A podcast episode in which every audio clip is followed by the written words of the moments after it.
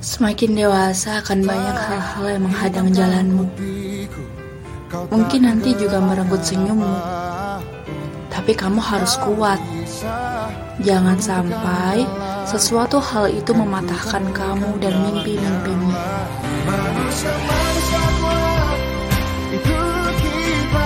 Yakinlah bahwa Tuhan menciptakan kamu sebagai manusia yang kuat dan menghadirkan penghadang agar kamu lebih kuat lagi.